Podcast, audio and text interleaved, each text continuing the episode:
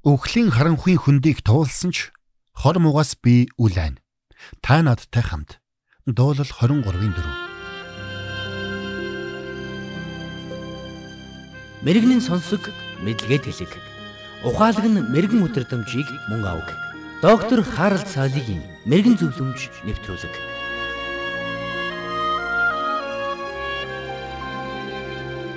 Хайртай дотны хүнээ үхэл далдаж уй гашуу давтан үлдэн гэдэг үнэхээр хэцүү.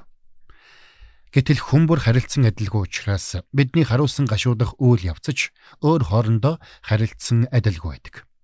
Зарим хүмүүс сэтгэл хөдлөлөө илүү илэрхийлдэг байхад зарим хүмүүс үүнийг дотроо хадгалахыг хичээдэг. Зарим хүмүүс уй гашуутайгаа амархан эвлэрдэг бол зарим нь тиймч амархан эвлэрч чаддаггүй. Зарим хүмүүс уйлж бусадтай ярилцаж тайвширдаг бол зарим нь зогсоо зайгүй ажиллахыг илүүд үздэг. Харин өөр нэг хэсэг нь адилхан зовлонтой хүмүүст туслахыг эрмэлздэг. Гэхдээ ямар ч тохиолдолд уй гашууга үл тоож юу ч болоогүй юм шиг байх гэж хичээх нь бидний зовлонг улам бүр нэмдэг гэдгийг бид ойлгох хэрэгтэй. Уй гашууга даван гарахын тулд бид ихэвчлэн дараах дөрвөн үе шатыг туулах ёстой болдог. Нэгд цочрол. Хоёрд эсэргүүцэл. Гуравд эмх замбраагүй байдал. Дөрөвд эмх цэгц. Гэхдээ энэ дөрвөн үе шатын хооронд тодорхой хил хязгаар гэж байхгүй. Гэхдээ уй гашууг даван гарсан хүн бүр эдгэрэх явцдаа эдгээр үе шатуудыг заавал туулсан байдаг.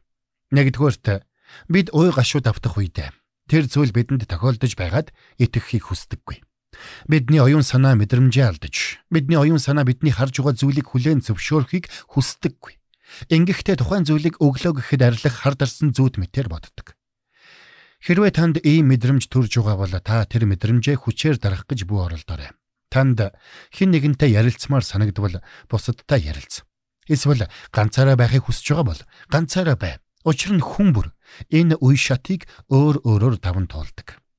Ийм үед Ихэнх хүмүүс болж өнгөрсөн үйл явдлаас болоод бурхантай дайн зарладаг. Бурхан минь, та яагаад ийм зүйлийг надад зөвшөөрсөн бэ гэж хашгирдаг. Хүүгийнхээ оршуулган дээр сууж байсан нэгэн эцэг Бурхан би яаж ийж явгаад чамаас хариуга заавал авандаа хэмээн хэлж байгааг би сонссон. Ийм хүнд цохилтонд орсон үедээ бидний хэлж буй энэ мэд үгсийг бурхан хэр ноцтойгоор хүлээж авдаг бол Давид хаан нэгэнтээ Учир нь хэлбэр дүрсийг маань тэрээр мэддэг. Биднийг тоос шороо гэдгийг санаж байдаг хэмээн шүлгэлсэн байдаг. Бидний амьдралд ой гашуу тохиолдох үед бид байгаа бүхнээрээ үүнийг эсэргүүцдэг. Бидний бие махбод, сэтгэл санаа, сэтгэл хөдлөл, итгэл найдвар, айдас түгшүүр бүгд үүний эсрэг ажиллаж эхэлдэг. Нэг найз маань надад Нөхөр бид хоёр бүхэл амьдралынхаа туршид мөнгөө хурааж тэтгэврт гарахаараа дэлхийг тойрон аялж хийж амжаагүй бүхнээ хийн химэн мөрөөддөг байлаа. Гэтэл одоо би тэтгэврт гарсан хойноо гэртээ ганцаараа суух болчихлоо шүү дээ химэн гашуудан хэлж байсныг санаж байна. Тэр найз маань уурлаж бас сэтгэлээр унсан байсан.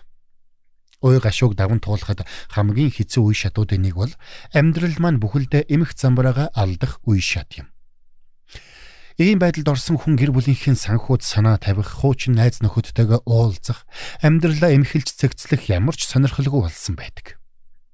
Хэрвээ таны эргэн тойронд ийм байдалд орсон хүн байгаа бол та түүний үгийг битгий ноцтойгоор хүлээж аваарай. Эр нөхрөө алдсан нэгэн бэлэвсэн эмэгтэйг дотны найз нь оройн хоолнд урьжээ. Гэвч тэр эмэгтэй хариуд нь чи надад сайхан хандах гэж хичээх хэрэггүй хэмээн хариулжээ. Харамсалтай нь үүнд нь гомцсон хайз нь урилга буцаан авч түүнтэй дахиж үг дугуйхаа болсон гэдэг. Эцэст нь амьдралаа эмхэлж цэгцлэх үе шат ирдэг. Энэ үе шатанд тухайн хүн амьдралаа аажмаар эргцүүлэн цэгцэлж эхэлдэг. Тэд ажил хөдөлмөр эрхэлж, гэрийн гадаах цэцэрлэгээ арчилж, шинэ хүмүүстэй уулзаж, танилцж эхэлдэг. Ой гашууд автсан хүн дараа хизээ дахин инээж баясдаг бай. Харамсалтай нь зарим хүмүүс амьдралынхаа туршид дахин инээж хөөрдөггүй. Харин зарим нь аажмаар энгийн байдалдаа шилжиж эхэлдэг. Гэхдээ аль нь ч байлаа гэсэн. Тэр хүн цааш нь үргэлжлүүлэн амьдарч амьдралаа аажмаар эмхэлж цэгцлэх хэрэгтэй. Үүнийг л Бурхан биднээс хүсэж байдаг. Цаг нь ирэхэд бид Бурханы оршихуйд байгаа тэр бүх хайртай дотны хүмүүстэйгээ дахин уулзах болно. Ийм гайхалтай амлалтуудыг Бурхан бидэнд өгсөн. Учир нь бидний Бурхан бол үхэгсдийн бос, амьд байгсдийн Бурхан юм. Тиймээс Бурхан тантай үргэлж хамт байдаг. Дуулал 23-ын 4-д Өвхлийн харанхуйн хөндийг туулсан ч хор муугаас би үлээн. Та надтай хамт химэн тунхагласан байдаг. Бурхан бидэнтэй хамт байгаа гэдгийг санах нь амьдралаа харах бидний харааг бүхлээр нь өөрчилдөө гэдгийг та санаарай.